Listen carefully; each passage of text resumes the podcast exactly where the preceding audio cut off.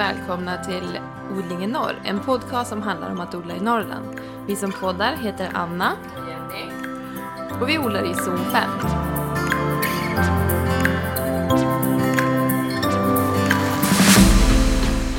Idag så ska vi få träffa Mona som har företaget Smakfull trädgård. Vi ska få höra mer om hur man ska planera sin trädgård, vilka misstag man kan göra och vad som passar här i Norrland. Häng med! Hej Mona! Hej! Vad roligt att få träffa er Anna och Jenny. Ja men och vad kul att du är här och pratar med oss i vår podcast. Tack så mycket för att ni har bjudit in mig. Jätteroligt. Ja, det här blir spännande. Jag tror att det här är ett hett ämne som eh, många kommer att vilja veta mer om. Mm, det hoppas jag med. Jag hoppas att jag ska kunna bidra med någonting positivt och eh, spännande och roligt. Ja, för nu tänkte vi att vi ska få höra mer om trädgårdsdesign och du får jättegärna börja och berätta mer om dig, Mona. Ja, eh, jag är född och uppvuxen i Överhörne strax utanför Övik eh, och eh, det var en villaträdgård men det var mest gräsmatta på den. Jag hade väl lite, lite jordgubbar när jag var riktigt liten och sen så fanns det väl någon vinbärsbuske och plommon och surkörsbär men det var inte, inte särskilt mycket ätbart i våran trädgård. Som sagt mest bara gräsmatta. Däremot så var jag alltid intresserad av krukväxter och tycker det var jättespännande och skötte gärna krukväxterna från tidig ålder. Och jag var så otroligt fascinerad över, det var så himla poppis med, med Sankta Pauler på 70-talet när jag var barn. Och eh, jag var så fascinerad över hur man kunde ta ett blad eller en del av ett blad, stoppa ner i jorden och så blev det en helt ny planta.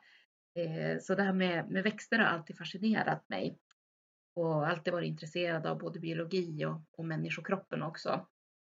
Så yrkesmässigt så, så föll faktiskt inte lotten till att börja med på trädgård, utan eh, jag valde att bli dietist. Så att det är på senare år som jag har skolat om mig till trädgårdsdesigner. Okej, vad spännande! Vad roligt att göra en, en, vad ska man säga, en ny resa i karriären också. Ja, det känns verkligen jätteroligt. Jag, jag tyckte att jag hade världens bästa jobb när jag började jobba som dietist. Men Ja. efter 20 år så kändes det så, ah men been there, done that och började lite tröttna på, på den världen och det, det arbetet. Så eh, när jag liksom verkligen fick intresse för trädgård och hade odlat mycket i, i flera år och insåg att ja, men, jag behöver ju faktiskt inte bara göra det här för mitt eget höga nöjes skull utan jag kan ju göra det här som arbete, som jobb. Eh, så det var jättekul när jag insåg att det faktiskt gick att skola om sig även fast att jag var, eh, jag var över 40 i alla fall, Ja, 45 typ. ja.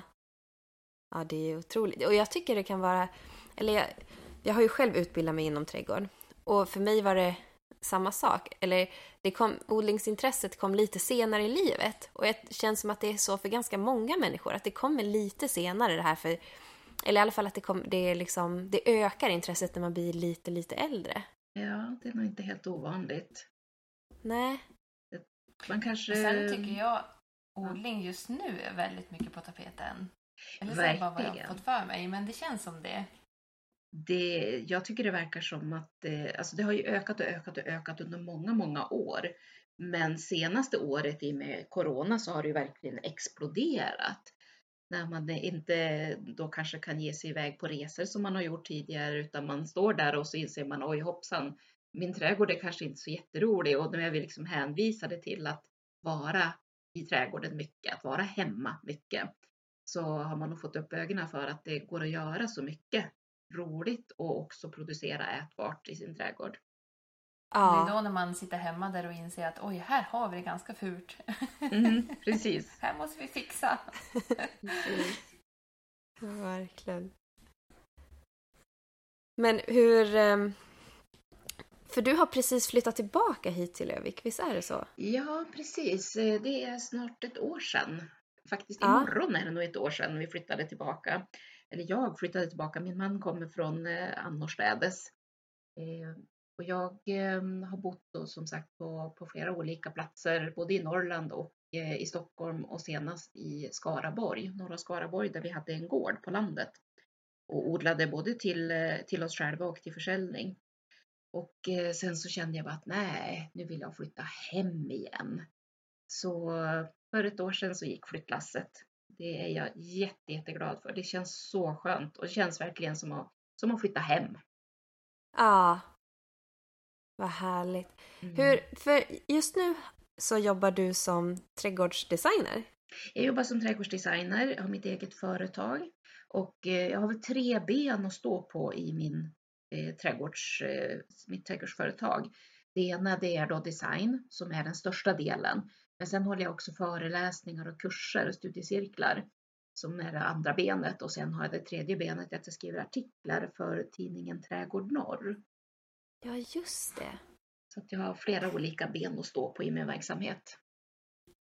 Vad roligt. Mm, det är jättekul och det är ju det är roligt att göra olika saker. Och sen är det ju också en fördel ur ett arbetsperspektiv att jag kan fördela arbetet lite grann över året. Så att det inte blir allting bara på sommaren.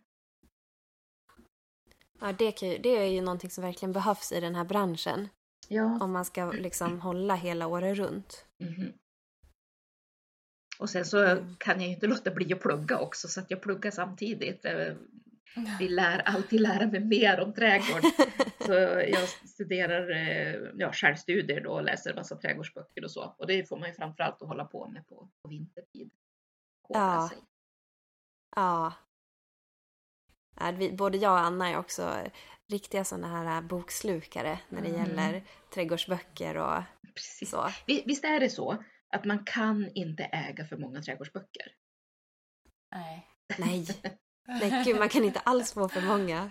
Och det är så mycket fina bilder. Ja, precis. Det är verkligen, eh, ja, man blir riktig bokslukare. Och nu har jag en, eh, en granne som precis har sålt sitt hus och de har varit så här riktigt inbitna trädgårdsmänniskor. Så, så nu när de säljer sitt hus och, och flyttar till lägenhet så behöver de inte alla sina trädgårdsböcker längre.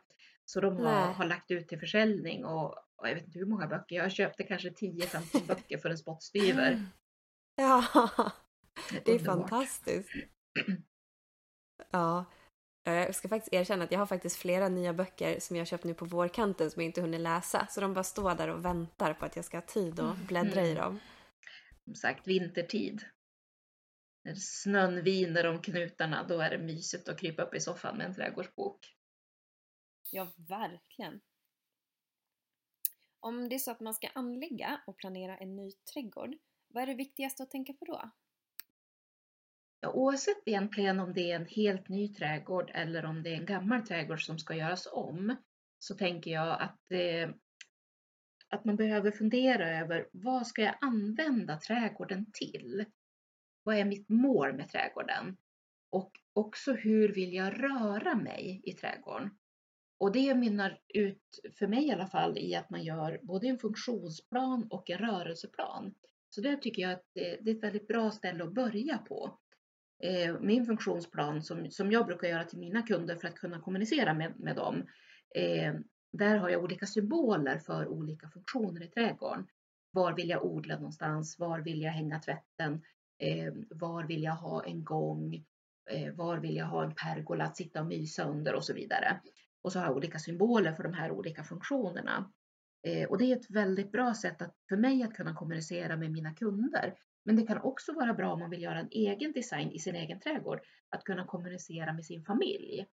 Ja, men vad tror ni om? Ska vi ha grillplatsen här? Ska vi ha eh, poolen här eller vad det nu är för någonting som är, eh, eller dammen? Eh, och så kan man diskutera och fundera och man kan flytta runt de här olika symbolerna och se, ja men det kanske skulle passa bättre att ha den här eller så.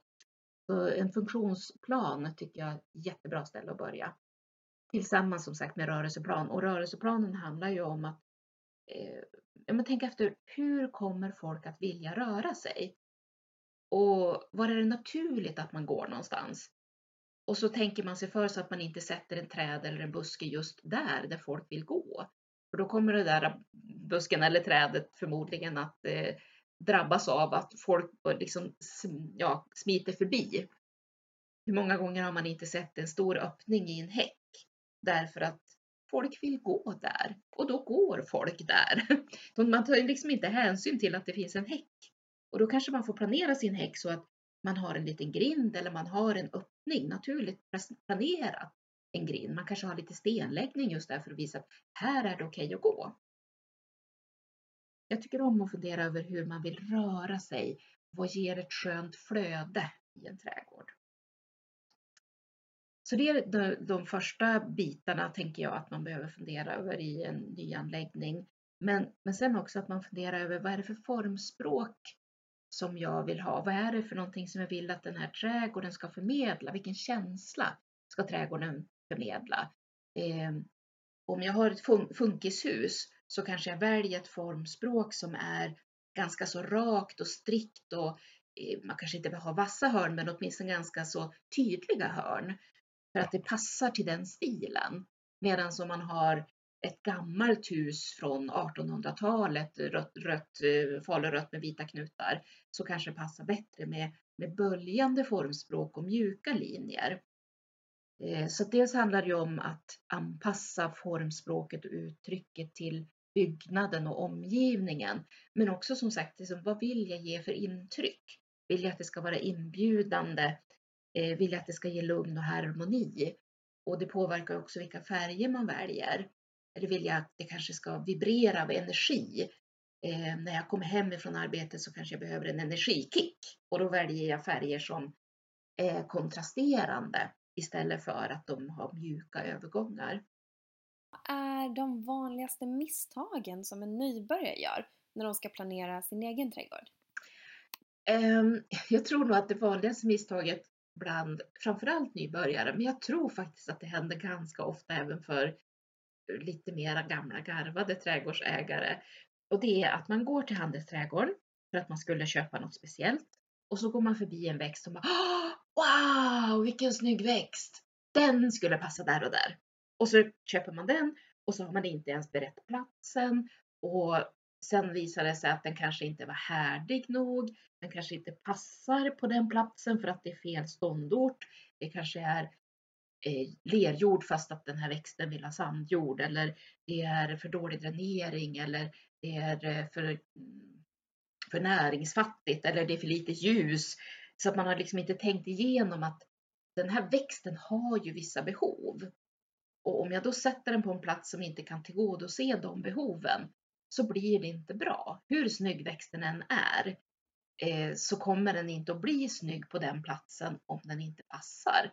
Eh, just ur de här att växten inte får de, sina behov tillgodosedda. Eh, så det tror jag nog är ett av de eh, största och eh, vanligaste problemen. Eh, så att det är grundläggande att man har växtkunskap och att man också har kunskap om sin plats. Hurdan är jorden där jag odlar? Eh, är den näringsrik? Är den lerig? Är den mullrik? Är den eh, torr eller är den fuktig? Det är, sådana saker behöver vi känna till om jorden för att veta hur vi ska välja växter på ett bra sätt. Men går det att göra en trädgård på en låg budget? Absolut. Eh, det finns många sätt som man kan eh, göra för att, eh, till för att eh, hålla nere budgeten. Eh, dels kan man naturligtvis återbruka olika saker om vi nu fortsätter på banan med, med hårdgjorda ytor eller fasta konstruktioner. Så att återbruka antingen det som redan finns i trädgården eller det som andra kanske till och med tänkte slänga. Eh, eller att man köper begagnat. Det brukar ju vara billigt.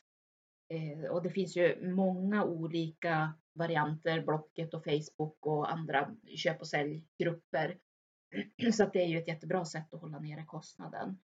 Och tänker man på växtsidan så är det ju också jättemycket som man kan göra. Dels eh, så är det naturligtvis mycket billigare att så sina egna växter. Oavsett det handlar om ettåriga växter eller fleråriga växter så är det billigare att så än att köpa färdiga planter. Eh, det är också billigare att man delar på planter som man redan har och placerar ut dem på olika ställen så får de eh, växa till sig och bli stora och fina på den nya platsen. Och sen kan man förstås ta både sticklingar och, och eh, även ympa träd om man kanske har lärt sig det.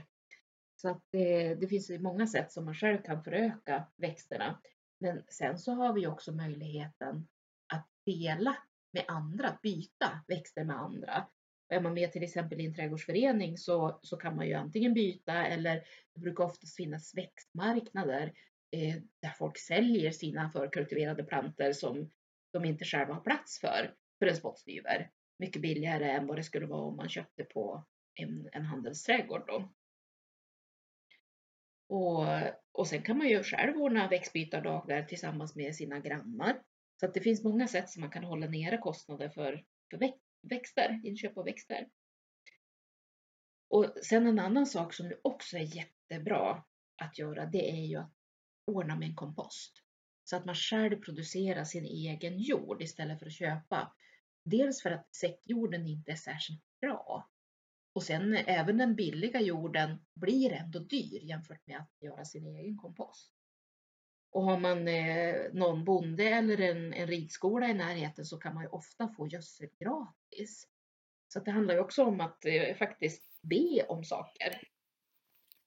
När det gäller buskar och träd för norra Sverige, har du något tips på bra sorter som passar bra? Ja, alltså jag är ju lite nördig.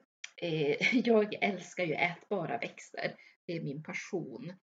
Eh, så några som jag tycker väldigt mycket om, just ätbara då, det är bland annat blåbärstry och havtorn och bärhäggmispel. Eh, det är ju några bär, bärbuskar som är riktiga favoriter hos mig och som också fungerar här uppe. Eh, upp till eh, zon 5 och 6 till och med. Så att, eh, för många här i Övik säger att ah, jag bor i zon 5, men det finns ganska många platser här som faktiskt är zon 4. Eh, så det finns ju ett lite större spann att välja på än bara zon 5. Men det är viktigt att man funderar över, har jag verkligen zon 4 eller jag kanske har zon 4 på vissa platser i min trädgård.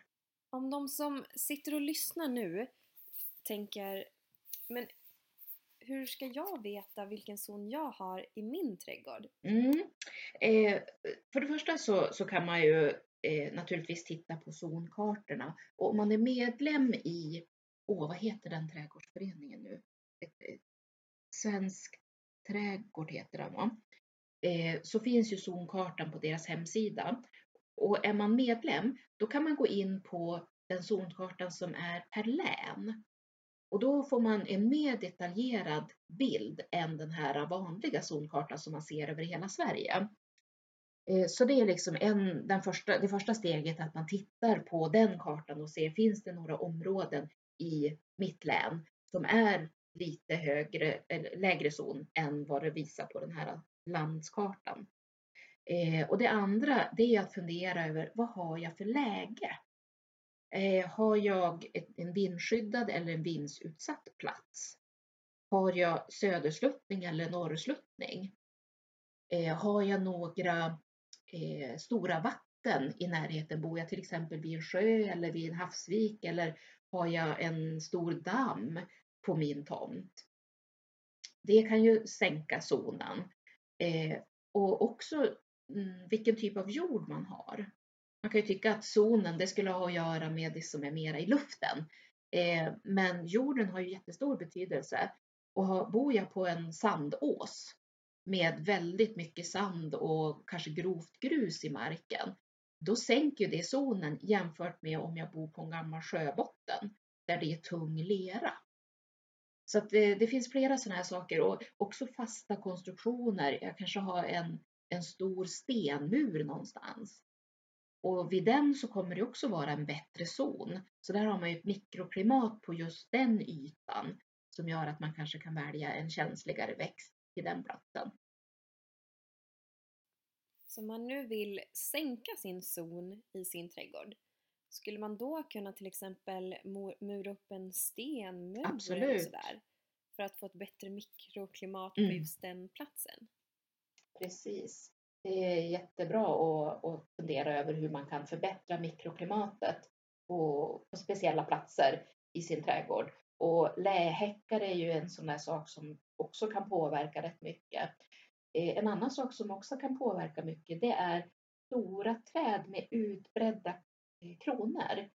Om man eh, vill ha en lite känsligare växt så kan man välja att plantera den, inte direkt under så att den tar liksom skuggar, men om man har ett större träd lite norr om ett lite mindre känsligare träd, då kommer trädkronan att hindra den varma luften från att stiga uppåt på, på kvällen och natten och se till att det blir ett varmare klimat för det här mindre trädet under trädkronan. Men man måste som sagt se till att det fortfarande kommer in mycket sol då. Okej, det kanske inte är något man alltid tänker på. Vad tycker du om att anlägga rabatter under träden? Eh, om man eh, anlägger en rabatt under ett träd så är det ju oftast bättre än att man har gräsmatta under ett träd. För det är ju det vanliga att man har gräsmatta ända in till stammen. Och det tycker inte träd särskilt mycket om. Så att det är absolut bättre att anlägga en perennrabatt. Däremot kanske man inte ska ha en sommarblomsrabatt där man liksom håller på och byter växter varje år. Då är det risken att man stör rötterna. Då är det bättre att man anlägger en perennrabatt och så ja, är de växterna där under en, en längre tid och att man håller inte på och rör runt i jorden och, och skadar rötterna för trädet. Nu tror jag du sa några av de favoriter du har, men finns det några trädbuskar du skulle vilja se planterades mer av här uppe? Ja, nu kommer jag säga någonting som, som eh, många faktiskt inte är medvetna om att det funkar här i Norrland och det är persika. Eh, och det är framförallt då i, det, alltså persika, den brukar oftast vara angiven till zon 4. Eh, men har man då en södersluttning, man har jobbat med mikroklimatet och man ser till att det är väldränerat och så vidare, eh, så kan faktiskt persika fungera i Övikstrakten åtminstone. Så det är något som jag skulle vilja slå ett slag för. Och där finns det åtminstone tre varianter. Den ena heter Frost, den andra heter Riga och den tredje heter Olga. Så de tre sorterna kan man välja bland. Och som sagt, se till att det är en riktigt, riktigt bra och välskyddad plats. Och det man kan behöva göra är att man täcker över den med typ skuggväv eller juteväv eller något liknande på våren så att den inte börjar blomma för tidigt för det är risken att blommorna fryser bort om det kommer en frostknäpp. Och sen en annan sak som jag också tycker vore roligt om man kunde odla lite mer här uppe i norr, det är ju nötträd och det är framförallt då manchurisk valnöt och hasselnöt som jag tänker på. Där det ju faktiskt finns härdiga varianter som, som funkar åtminstone upp till zon 5. Ja, manchurisk valnöt är ju ett väldigt vackert träd också. Ja, valnöt är ju ett jättevackert träd. Så det kräver ju att det är en lite större trädgård förstås eftersom det blir ett ganska stort träd. Och hassel blir ju också ganska stort.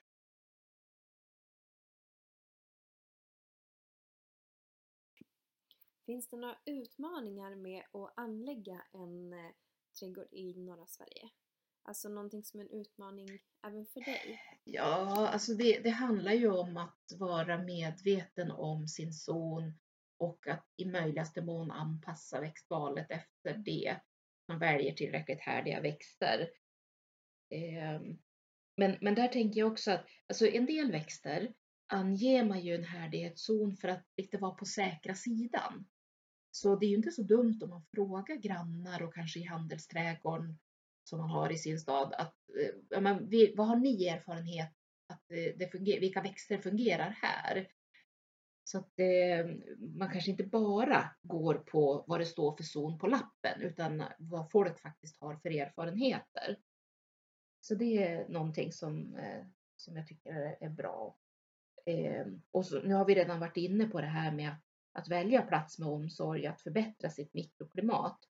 Eh, och där är ju dräneringen, upphöjda bäddar, stora stenar, dammar, vindskyddat läge och så som sagt det här med stora trädkronor norr om den här lite känsligare mindre växten. Sen så, så vet vi ju inte så mycket om vad klimatförändringarna verkligen kommer innebära för oss i Norrland. Eh, det vi kan gissa är att det kommer att vara mer oförutsägbart. Vi kommer förmodligen ha torrare somrar och vi kommer att ha mer extremväder. Så att eh, jag tänker att eh, vi kanske behöver vad ska jag säga, tänka på trädgård som att vi, vi väljer både härdiga växter, tåliga växter, men att vi också kan prova lite grann av de här som inte är riktigt så härdiga. För att eh, klimatförändringar kanske också innebär att det faktiskt kommer att, och förändra förutsättningarna så att vi klarar vissa växter som vi inte trodde att vi skulle klara här. Så att eh, lite sånt knäckeri tycker jag nog att vi kan experimentera med. Ja. Sen tycker jag att vi ska inte stressa över när sörlänningarna lägger upp sina sådder på, på Facebook och Instagram och bloggar och allt vad det är för någonting. Eh, ja. Stressa inte över det. Vi hinner. Eh, vi har långa, långa dagar, mycket sol. Så att det, det är väldigt mycket utav det ettåriga som faktiskt hinns även om vi kommer igång några veckor senare än sörlänningarna. Ja, det där är bra att höra. Man behöver ja. påminna sig om det faktiskt. Varje vår tror jag. Ja. Och sen finns ja. det ju också sorter som är snabbare kulturer som inte tar lika lång tid. Så att det, ja. det kan man ju också satsa på så att man inte väljer pumpan som har längst utvecklingstid utan vi väljer en pumpa som har kortare utvecklingstid. Ja. Men jag tänker butiker och affärer som säljer plant och träd och så vidare här uppe. Upplever du att, att det säljs även sånt som kanske inte är tillämpat för våran zon? Ska jag vara helt ärlig så har jag inte hunnit bilda mig så mycket uppfattning om det. Det är som sagt bara ett år sedan jag flyttade hem igen. Och förra sommaren så var det ju så knepigt med, med coronan och, och jag var faktiskt inte runt i handelsträdgårdarna då och kollade. Eh, så att jag har inte riktigt någon uppfattning om det. Jag misstänker att de stora kedjorna kanske att det är större risk att de har mindre härdiga växter medan de mindre handelsträdgårdarna som har lite längre tid på orten, att de har mera kunskaper och ett bättre sortiment. Men det är en gissning från min sida. Nu står vi här i ett skede, säger vi, att vi ska anlägga en trädgård. Eh, vart börjar man? Ja, eh, om man ska anlägga en helt ny trädgård som i princip bara är en ler, leråker eh, så tänker jag att det man börjar med är ju att planera och designa oavsett man gör det själv eller man anlitar någon. Men att man börjar i den änden att, eh, som vi pratade i början, eh, att designa sin egen trädgård eller anlita någon som designar åt den och verkligen fundera över vad ska jag använda den här trädgården till? Och, eh, och sen, det är ju liksom steg ett då. Och steg två, det är håll dig till din plan eller din design. det är väldigt lätt att man börjar göra massa avsteg hit och dit och så till slut så blev det mischmasch och alltihopa. Eh, så gör en plan och håll dig till planen. Eh, sen så tänker jag steg tre är väl att om man behöver göra grävarbeten så, och framförallt om det är grävarbeten som kräver stora maskiner så är det ju viktigt att göra det innan man börjar plantera en massa saker. Och sen, sen tänker jag att steg fyra får bli att plantera träd för att, att eh, få upp träd till någon storlek, eh, det tar ju lite tid. Och framförallt om man väljer fruktträd som man kanske vill ha skörd ifrån så är det extra viktigt att börja tidigt för att det tar ett antal år innan det börjar ge frukt. Eh, så att, eh, att plantera träd är nog en, en bra början sen man väl liksom har gjort det här eh, lite halvtråkiga jobbet med grävarbeten och så. Men sen tänker jag också att anlägga gångar och kanter och gräsmatta och en äng. Eh, det är ganska bra att göra tidigt för att, eh, att ha gångar och kanter och, och gräsmatta och äng, då, gör det liksom, då börjar man få en känsla av trädgård ganska snabbt. Och att ha en äng med ängsblommor, det ger ju också eh, mycket liv i trädgården med eh, insekter som kommer och det, det, ger en variation där ena blomman avlöser den andra och så vidare. Så att det, det, ger, det blir vackert väldigt snabbt. Och, och, först sen, lite längre fram, så tycker jag att man börjar med att hantera eh, och, och, kanske sommarblommor och, och, så. Så att man börjar liksom med det stora först. Och sen tycker jag faktiskt att eh, om man nu tänker att plantera perenner och kanske också buskar till viss del kommer lite senare, då tänker jag att ja, men då har man kanske sparat ut en yta för vad man ska ha sin perennrabatt eller sin, sitt buskage. Och då är det bra att förebygga ogräsproblem, för bar jord det är ju en öppen inbjudan till allsköns ogräs. Och då är det bra att täcka den marken, eh, antingen med hö eller halm eller något annat, flis eller något sånt organiskt material. Eller om man har en gammal presenning över eller eh, något annat som, som verkligen täcker och, och gör att det blir mörkt där. Så att man inte bjuder in ogräsen och, och binder ris till sin egen rygg. Ja. ja, det var ett supertips. Det är nog lätt hänt att man lämnar det öppet tänker jag, när man Ja. håller på att anlägga. Och sen när man väl då börjar att plantera så är det bara ogräs alltihopa. Då blir man inget glad. Sen tycker jag faktiskt också att det är bra att göra en kompost ganska tidigt. För att det blir alltid klipp på olika sätt över. Och då är det jätte, och, man kanske krattar ihop löv och eh, man, har, man klipper gräsmattan och så. Och då är det väldigt bra att man börjar med en kompost så att man verkligen kan ta hand om det organiska materialet och den näringen som det innehåller. För det är ju verkligen en, en enorm resurs i en trädgård och i en odling att ha tillgång till organiskt material. Ja, absolut. Det håller jag med om.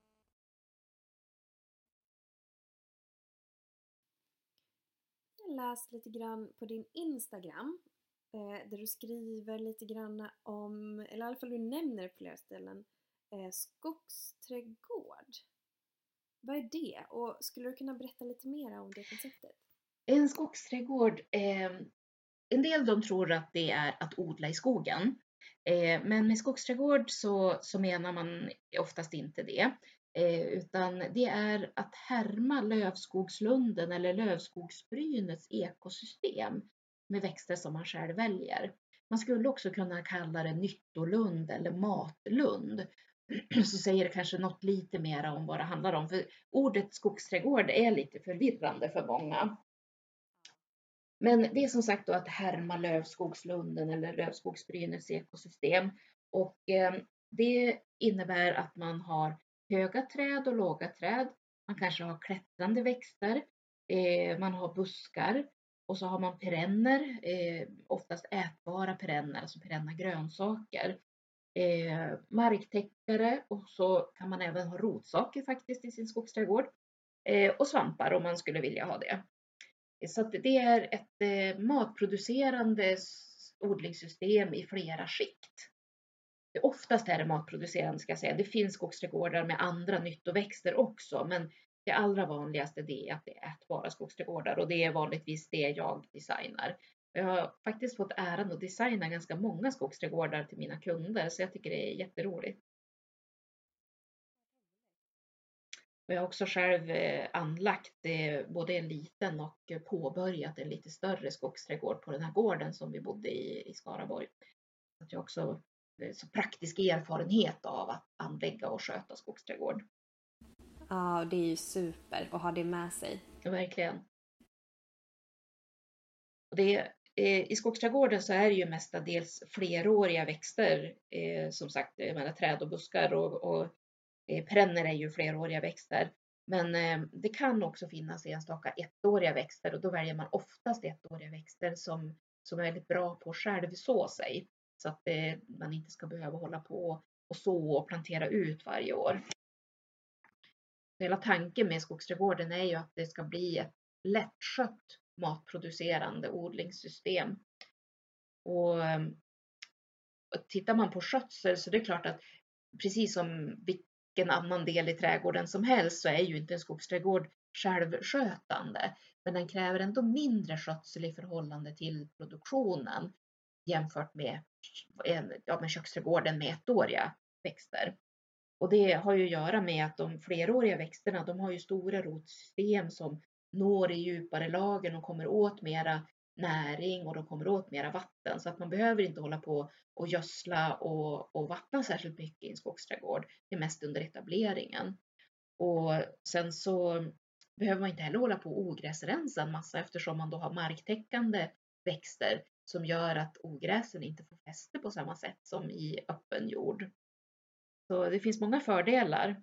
Och en annan jätteviktig fördel som jag ser med skogsträdgården, det är ju att den också förlänger säsongen.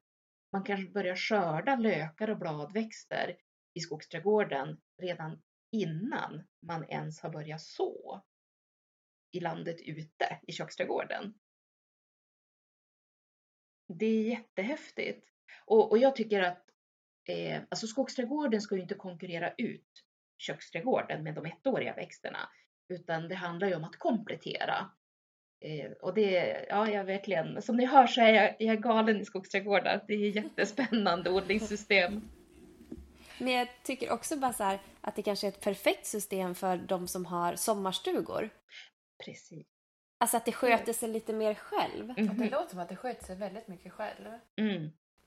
Precis, alltså det, det mesta man behöver göra förutom att, att skörda då i, i skogsträdgården, det är ju att beskära fruktträd och bärbuskar. Eh, det är en del. Eh, och sen behöver man hålla lite koll på, för i en skogsträdgård så har man ju polykulturer där man så samplanterar olika växter. Och då kan man behöva hålla lite koll på att de verkligen trivs tillsammans. Eh, om, man, om man har planterat en mynta tillsammans med en fjällsyra till exempel, då kommer myntan att ta över fjällsyran. Så att det, och, och har man då inte den kunskapen innan utan man råkade plantera dem där tillsammans, eh, då kommer man då behöva flytta på den ena, ena eller den andra för att de kommer inte att trivas tillsammans. Så att man behöver lära sig vilka växter trivs tillsammans på min plats. För att eh, man kan lära sig av andras erfarenheter, men alla platser är unika och vissa saker är generella och gemensamma. Men det kommer alltid finnas individuella variationer som gör att man, man behöver lära sig sin egen plats. Titta på skogsträdgårdar för norra Sverige. Är det några grödor som passar extra bra här uppe? Ja, dels så, så finns det ju faktiskt ganska många eh, fruktträd och även då nötträd som kan funka. Eh, om vi nu pratar upp till zon 5, vissa är upp till zon 6. Eh, men dels så finns det ju en del eh, äppelträd som funkar upp till, till zon 5 och 6. Eh, plommon finns det också några exempel som klarar zon 5, liksom surkörsbär. Vill man ha söta körsbär, ja då är det nog faktiskt zon 4 tyvärr. Eh, samma sak med päron, då får man ju också gå, ja, tänka att det är, det är mest i zon 4. Eh, men som sagt, både hassel och manchurisk valnöt funkar ju upp till zon 5. Och eh, sen finns det ju då ett antal bärbuskar som absolut funkar i, i zon 6. Dels har vi ju den här blåbärstry som jag pratade om. Det finns flera havtornssorter som funkar i zon 6. Eh, aronia finns det en sort som funkar i zon 6 och finns det också någon mer som funkar i zon 5. Bärhäggmispel har du också upp till zon 6. Och sen vinbär och krusbär som ju är ganska vanliga eh, i Norrland eh, fungerar ju också naturligtvis i eh, skogsträdgården. Och faktiskt finns det någonting så spännande och exotiskt som också fungerar upp till zon 5 som minikiwi. Ja, just det. Ja! Det, och den är ju eh, tvåkönad på samma sätt som eh, havtorn. Du måste ju ha både herre och dam av både havtorn och minikiwi för att du ska få, få frukt. Men jag skulle nog vilja säga att minikiwin är jätteviktigt att man placerar den skyddat. Eh, för den är ganska eh, känslig ändå. Men sen finns det också perenna grönsaker som eh, är lämpliga för eh, även vårt klimat. Dels så har vi jordärtskocka som ju funkar jättebra i en skogsträdgård. Sen så finns det lite olika syror dels trädgårdssyra men också fjällsyra och det är verkligen en av mina absoluta favoriter bland de perenna grönsakerna. Den är så vansinnigt god. Gillar man det här lite syrliga så är det en riktigt toppen. Men den, den blir liksom inte för sur och den blir inte kärv på samma sätt som trädgårdssyran kan bli om den har blivit för stor. Eh, utan man kan skörda hela säsongen utav den. Eh, sen är ju kärleksört en jättebra grönsak som många har i sina trädgårdar har ingen aning om att de går att äta. Och det är bladen och skälkarna som man äter. Jättegod. Eh, och där eh, har jag en, en rödbladig kärleksört som jag tycker är extra god. Sen finns det myskmalva, ska också funka här. Och så finns det en klättrare som heter rankspenat. Eh, och det är en, eh, en växt som, precis som det låter, som man använder bladen precis som spenat. Och den kan bli 3-4 meter hög på en säsong. Det är alltså en perenn så att den är ju helt nedvissnad under eh, vintern då. Och så sen så kan den växa 3-4 meter på en säsong och ge enorma mängder blad. Men vad kul! Ja, Vad Och heter den? Alltså, är den en speciell sort eller Eh, heter ra- den ra- rankspenat? Ja, den heter rankspenat. Hab- Hablitzia tamnoides är vetenskapliga Jaha. namnet. Ja. Eh, sen har vi strutbräken som ju också funkar jättebra i Norrland. Och det Ja. är så fantastiskt gott. Och den skördar man ju tidigt på våren när den är ungefär en decimeter hög. Och Ja. det som är viktigt om man ska äta strutbräken det är att man verkligen vet att det är strutbräken. Eftersom andra ormbunkar är giftiga. Okej. Ja. Så det är viktigt att man vet att det är precis just den. Och det, finns, det kan man ju läsa på i sin flora hur, hur den Ja. växer och hur den ska Mm. se ut. Och sen Ja. har vi förstås en mängd olika sorters lökar. Med ramslök och kajplök och ehm, olika typer av piplök. Eh, egyptisk luftlök, norrlandslök. All, Alltså det finns så många olika lökar och det är framförallt de som kommer tidigt på våren. Alltså de kommer ju innan snön ens har smält bort. Så börjar de sticka upp sina blad och kan bli kanske en 5-10 centimeter innan snön ens är borta. Och jag tror alltså att jag och Anna skulle kunna sitta här och prata med dig hur länge som helst om det här ämnet. Men eh, vi undrar också om det är så att du har du några bra tips för om man vill, kanske vill ha en mer hållbar trädgård? Vad gör man då tycker du? Ja, det är ju lite grann eh, en käpphäst för mig. Eh, förutom den ätbara trädgården så är ju den miljömässigt och klimatmässigt hållbara trädgården en annan aspekt. Eh, inklusive den biologiska mångfalden naturligtvis. Eh, så att eh, jag tycker det är viktigt att man funderar över om man nu har en, en trädgård, man har en plats att förvalta som man kan kalla sin egen, att man verkligen förvaltar den på ett sätt så att man ja, man nästan lite kan kalla sig för miljö och klimathjälte.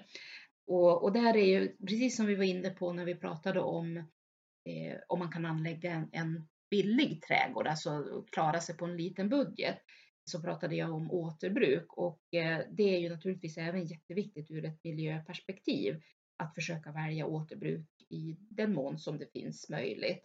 Men om man nu behöver köpa någonting nytt eh, Man kanske ska bygga en altan eller man behöver en virke till en annan fast konstruktion, en pergola eller liknande.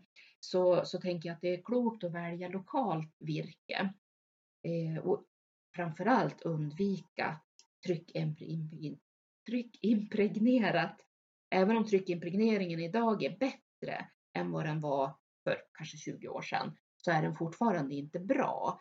Det läcker koppar ifrån de här kopparimpregnerade tryck, tryckimpregneringarna. Eh, och det är, det är inte nyttigt att det läcker ut koppar i naturen. Och framförallt inte om man ska odla någonting ätbart i anslutning till det. Så att det är bättre att välja lokalt virke och gärna då kärnvirke. Och framförallt då kärnvirke av gran. Det är väldigt tätt. Så att det, det, dröjer, alltså det, det ska mycket till innan det ruttnar. Om man dessutom då behandlar det med linolja eller linoljefärg så har man ytterligare ett skyddande lager. Och sen har vi ju också sibiriska lärken som är i sig, alltså egenimpregnerad. Eh, så att det är en sak med, med virke. Och sen så är det ju bra att minimera användningen av plast, att man använder så lite som möjligt. Eh, när man förkultiverar så kan man göra sina egna eh, små krukor med tidningspapper till exempel istället för att köpa en massa plastkrukor. Eh, men också att, att välja kvalitet. Om jag väljer det som har hög kvalitet så håller det länge. Och det är en viktig aspekt. Och om man ska ha någonting med sten, att man ska ha en, en stenläggning eller man ska ha en mur eller liknande, eh, så är ju svensk natursten mycket bättre än till exempel kinesisk natursten som ofta finns i stenbutikerna. Och det är också väldigt mycket bättre än betongsten.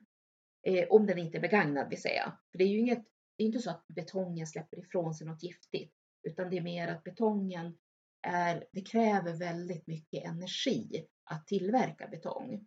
Så att det, det är ur ett energiperspektiv då som det är klokare att välja svensk natursten. Och så lokalt producerad som möjligt. Men sen har vi också det här då, som sagt med biologiska mångfalden, att det är jättebra att gynna ja, fladdermöss, insekter, paddor och grodor. fåglar, igelkottar, alla de där smådjuren som vi dessutom har väldigt mycket nytta av själva i våra trädgårdar för att de bekämpar skadedjur och så. Ja. Eh, och inte minst här i Norrland så vill vi gärna ha fladdermöss för att slippa myggen. Ja, Ja. det har vi pratat om. Vi att vi ska sätta upp fladdermusholkar så att vi Ja. får fler här. Och, och det finns ju fladdermöss i hela Sverige så att det är ju någonting som vi verkligen kan jobba med att, att utöka fladdermusstammen. Det är bra för, för oss själva och eh, för den biologiska mångfalden. Så det, behöver, det vi behöver göra är ju att ge mat, vatten, bostäder och skydd åt de här djuren som vi vill gynna. Och det kan ju handla om att man gräver en damm eller eh, har man inte möjlighet att ha en stor damm så kanske man har möjlighet i alla fall att ha en liten vattenstation åt bina. Eh, bara en, en skål med, med, ja, med glaskulor eller stenar i som man fyller upp med vatten så att bina har någonting att landa på när de vill dricka. Och eh, att lämna ett stenröse eller en rishög är också bra. Och sen som ni var inne på med holkar, oavsett det handlar om fladdermöss eller, eller eh, fåglar eller fjärilar så är det bra med holkar. Och så här insektshotell och så. Men det som är viktigt att tänka på med insektshotellen det är att de inte ska vara för grunda. För om man har en massa borrade hål eller man har vassrör och sånt, om de är för korta, då kommer eh, de här solitärbina att, att bara lägga ägg som blir av det ena könet. Nu kommer jag inte ihåg, jag tror att om det är grunt så kommer det bara bli herrar. Eh, och om det då är tillräckligt djupt då blir det både herrar och damer. Så att eh, många av de här eh, holkarna eller insektshotellen som man köper i butik, de är för grunda. Så ska man anlägga sånt där så läs på och se vad det är för, för någonting som gynnar på riktigt.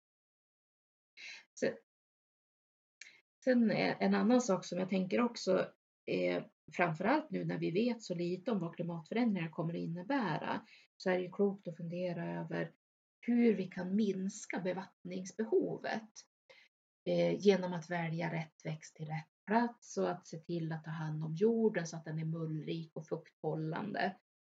Eh, och, och också naturligtvis att vattna klokt så att man vattnar utifrån den typ av jord man har. Många tror att ja, men vi, ska, vi ska vattna lite och ofta, det är jättebra. Eh, ja, det är bra om du har en sandig jord. Men har du en lerjord, då kan det faktiskt vara negativt att du vattnar lite och ofta. Därför att då hinner inte vattnet tränga igenom till de djupare lagren.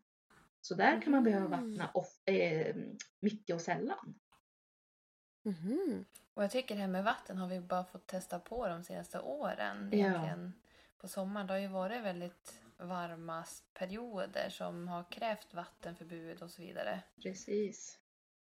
Så det är jättebra att man hushåller med vatten. Precis, hushålla med vattnet och, och sen naturligtvis att se till att samla vatten. Det är ju också jättebra. Och har man då som sagt möjlighet att anlägga en stor damm och leda takvattnet, så regnvattnet som, som landar på taket, att leda det till en damm, då har man ju jättebra bevattningsvatten sen.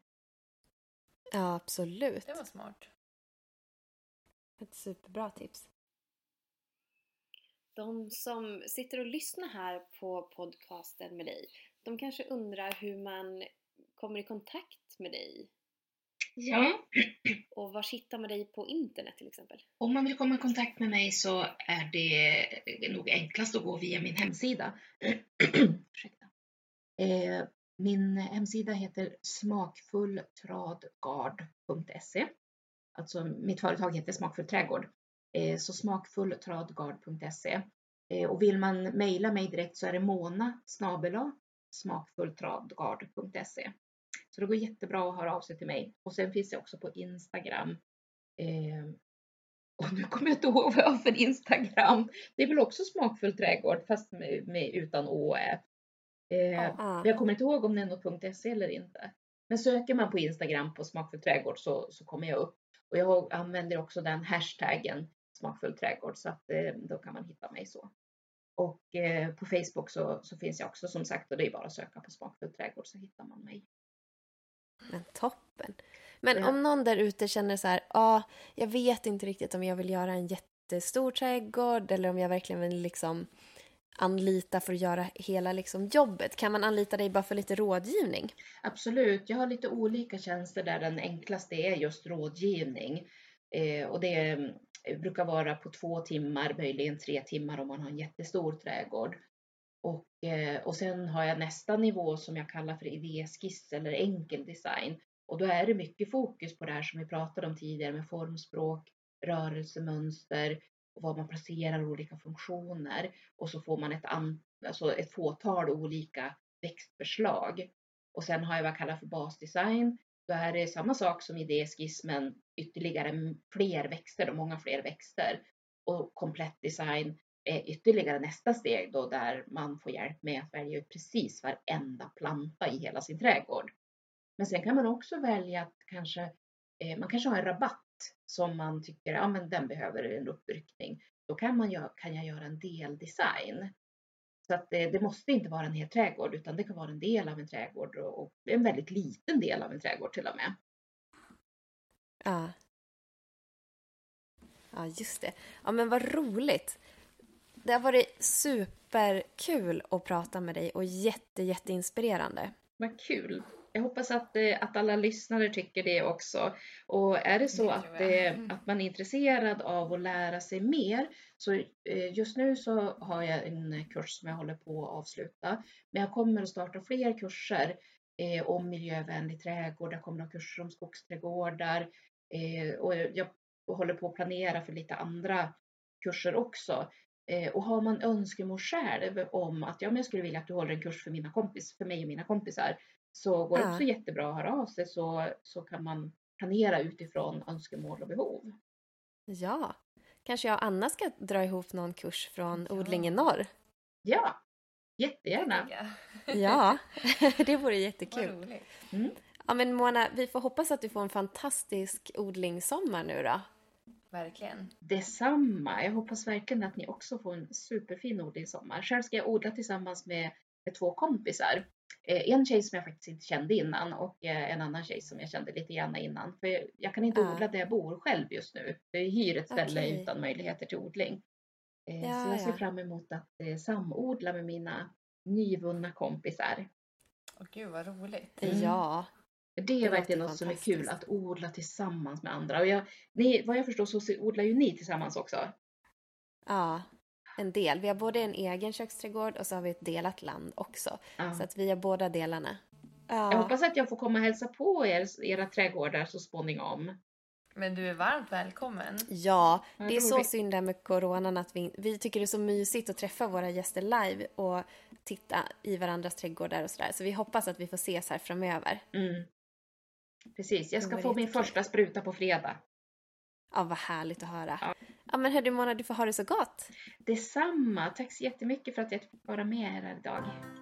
Ja, tack så mycket. Tack, tack. Ha det bra. Ha det bra. Ja, detsamma. Hej, hej. Hej då.